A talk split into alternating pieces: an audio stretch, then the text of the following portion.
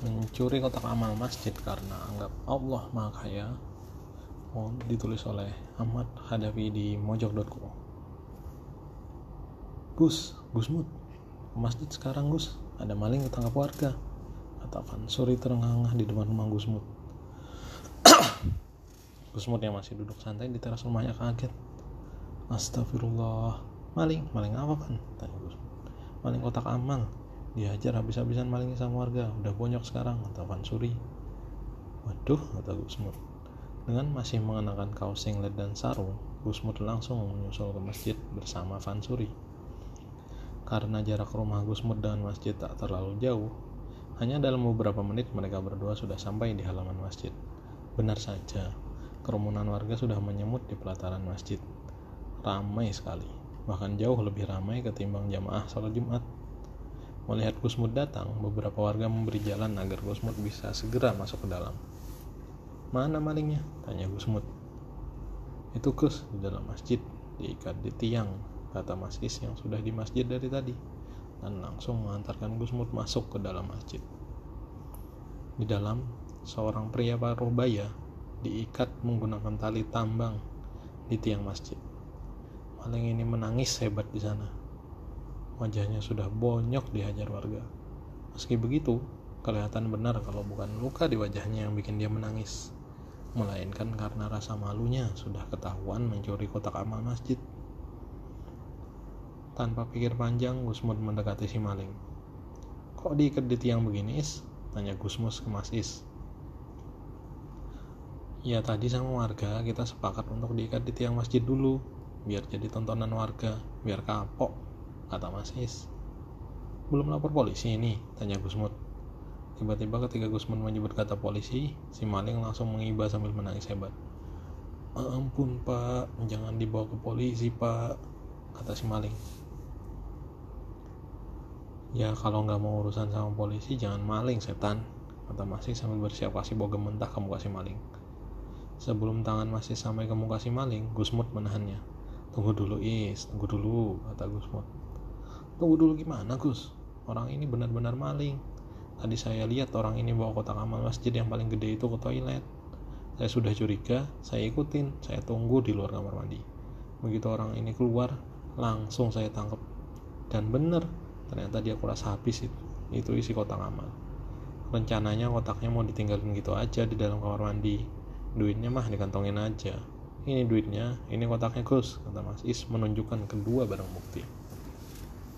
Gusmut terdiam sejenak. Jangan lapor polisi dulu. Tolong bawa orang ini ke rumah saya dulu. Sama tolong panggilin dokter Rizky dari kampung sebelah. Kata Gusmut mulai melepaskan ikatan tali. Loh, loh Gus, kok malah dilepas talinya? Teriak Mas Is sama beberapa warga. Keadaan semakin riuh. Saya yang jamin, saya yang jamin. Teriak Gusmut ke warga. Pak, janji ya pak, kalau talinya saya lepas bapak nggak kabur. Kalau bapak sampai kabur malah tambah bahaya bapak bisa diamuk warga bisik kusmut ke si maling. Si maling cuma mengangguk. Tangisnya sudah reda perlahan-lahan. Tolong. Pak Suri dan Mas Is yang jadi saksi ikut ke rumah sambil ikut membawa bapak ini. Yang lain silahkan ke rumah masing-masing. Mohon ya Pak, Bu, Mas, Mbak. Tolong jangan begini. Masjid jangan jadi tempat jagal. Saya mohon. Teriak Gusmut keluarga lagi. Beberapa warga cukup banyak yang protes. Merasa kehilangan tontonan namun karena yang meminta Gusmut, tokoh setempat, mereka tak berani macam-macam. Cuma menggumam, tidak sepakat, tapi mereka beneran bubar. Usai dibawa ke rumah Gusmut bersama Fansuri dan Masis, Dokter Rizky dari kampung sebelah datang. Meski sudah diminta bubar, beberapa warga masih ada saja yang mondar-mandir di depan rumah Gusmut, ingin melihat apa yang bakal dilakukan Gusmut. Setelah diperiksa dokter Rizky dan memastikan bahwa tak ada bagian vital yang cedera, Gusmut baru berani mengajak bicara si maling. Bahkan Fansuri dan Mas Is diminta keluar rumah Gusmut agar Gusmut bisa bicara secara khusus dengan malingnya. Cukup lama si maling berada di rumah Gusmut. Warga yang mulai bosan menunggu di depan rumah Gusmut satu persatu pulang ke rumah. Semua kecuali Fansuri dan Mas Is. Mereka berdua masih penasaran setengah mati. Apa yang bakal dilakukan Gusmut? Van, Is, ke sini sebentar. Teriak Gusmut dari teras semuanya. Mas Is dan Fansuri buru-buru mendekat. Tolong antar bapak ini keluar kampung sejauh mungkin. Pokoknya jangan sampai terlihat sama warga sini, kata Gusmon. Loh, gak jadi diantar ke polisi? Tanya Fansuri.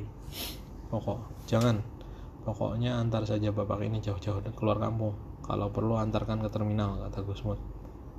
Loh, Gusmut ini bagaimana sih? Orang ini jelas-jelas maling loh, Gus. Masa Gusmut mau melepaskan maling begitu saja? Masih mending tadi saya melindungi maling itu dari amuk masa, makanya saya ikut di tiang masjid. Lah kok sekarang mau dilepas? Bisa tambah ngamuk warga Gus, kata masih nggak terima. Sudahlah, kalian jangan bawa dendam begitu. Aku sudah cek semuanya. Bapak ini maling karena terpaksa. Anaknya sakit leukemia ternyata. Dia nggak ada biaya. Bingung cari pinjaman sana sini juga. Akhirnya, usai salah di masjid dia kepikiran maling kotak amal. Gus memang tahu dari mana. Bisa jadi orangnya bohong Gus. Maling kotak amal masjid aja berani kok. Kenapa takut bohongin orang? Ya kan? Tanya Masis. Aku tadi sudah minta nomor telepon yang bisa dihubungi. Kebetulan nomor yang dikasihkan ke aku nomor Pak RT di kampungnya. Dan kampung di daerah itu ada orang yang aku kenal juga. Nah, di kenalanku itulah aku tanya-tanya, cek soal bapak ini. Ternyata memang betul begitu, kata Gusmud. Mendengar cerita latar belakang maling kotak amal masjid dari Gusmud ini, tiba-tiba amarah keduanya reda begitu saja. Hasrat untuk menghajar maling seperti sebelumnya runtuh tak berbekas. Meski begitu, Fansuri masih penasaran. Kok bisa ya, Gus? Orang habis salat malah kepikiran maling kotak amal. Maling duitnya Allah secara langsung loh. Aneh banget itu menurut saya, Gus, kata Mansuri. Dia mikir kalau Allah itu maha kaya paling. Jadi mikirin, ah aku minta duit dari Allah saja yang ada di masjid ini deh, kata Mas Is menimpali. Harusnya pertanyaannya bukan kayak gitu, Van. Kata Gus. Lah emang gimana, Gus? Tanya Fansuri harusnya pertanyaannya kenapa kita bisa bangun masjid bagus-bagus tapi sampai kita luput? Kalau ada orang yang sampai terpaksa harus mencuri kotak amal masjid karena begitu miskinnya. Padahal benar kata Masis tadi Allah itu kan udah maha kaya. Kenapa kekayaan kita malah diarahkan membangun masjid bukan membangun manusianya? Makanya itu ini tadi uang masjid yang diambil si bapak itu biar dibawa saja nanti biar saya yang ganti Mendengar itu Fansori dan Masis terkejut. Sebelum keduanya protes, Gusmur melanjutkan. Soalnya beliau jauh lebih membutuhkannya ketimbang untuk nambahi kas duit masjid kita. Di sisi lain, Gusti Allah juga sudah jelas nggak butuh duit itu. Karena kita aja yang sebenarnya butuh, lalu tanpa sadar suka bawa-bawa nama Allah untuk urusan duit masjid. Masis dan Fansori terdiam. Keduanya tidak berani mendebat lagi.